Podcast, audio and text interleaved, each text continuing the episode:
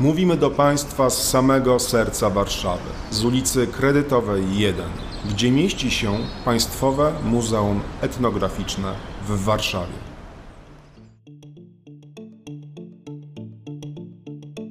Rozmawiając z Państwem w muzeum, często spotykamy się z pytaniami o związki poszczególnych przedmiotów z naszą dziedziną, czyli etnografią.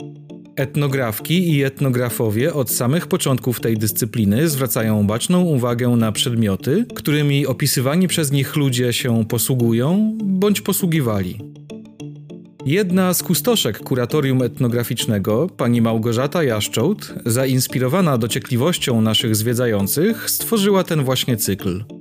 Opowieści znaleźć można na naszej stronie internetowej, gdzie każdy wpis ilustrowany jest fotografiami omawianych obiektów oraz słuchać w formie podcastu, czytanego przez pracowniczki i pracowników naszego muzeum.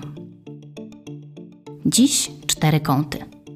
Co wspólnego ma chata z etnografią? Chata, a alternatywnie także chałupa, to określenie wiejskiego drewnianego domu – Używane bywa także w mowie potocznej jako określenie na mieszkanie.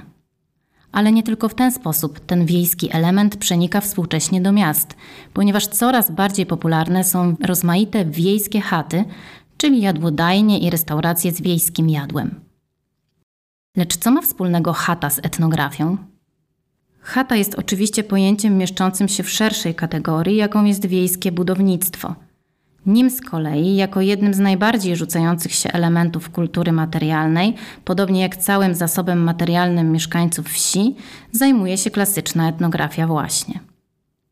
Chaty wznoszone mogą być na wiele sposobów, podobnie jak zróżnicowane może być ich wykończenie i ewentualne zdobienia.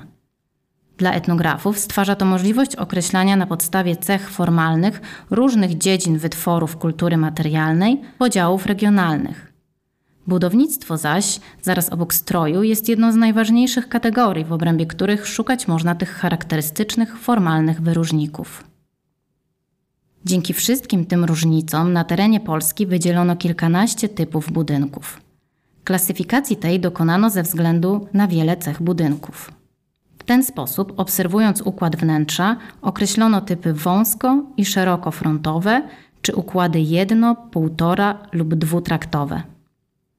Poddając zaś analizie drewniane ściany budynków, wydzielono poszczególne ich konstrukcje. Wieńcową, czyli zrębową, sumikowo-łądkową, szkieletową, czyli ryglową, szachulcową czy słupową. Zróżnicowane są również dachy dwu- i czterospadowe, kryte słomą lub gątem oraz sama architektura bryły.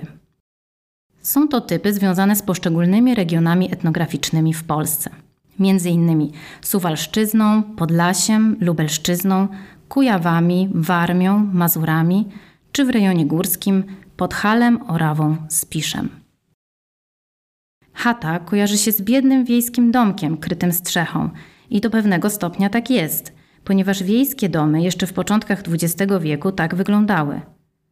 Obecnie takie chaty oglądać można głównie w muzeach na wolnym powietrzu – a w naszym muzeum posiadamy kilka modeli chałup z kilku regionów w Polsce. Jest chata krakowska, lubelska, góralska, kujawska, południowo-mazowiecka, opoczyńska, kurpiowska, mazurska, lubelska. Posiadamy także cały sztafaż materialny, który mógł się we wnętrzu znaleźć, czyli elementy kanonicznego wyposażenia chat wiejskich, takie jak skrzynie wianne, elementy świętego kąta, półki, listwy, święte obrazy. To już ostatni odcinek tego cyklu. Dziękujemy, że byliście Państwo z nami. Zachęcamy jednocześnie do odwiedzin naszego muzeum, gdzie zobaczyć można wszystkie przedmioty, o których opowiadaliśmy. Do usłyszenia i do zobaczenia.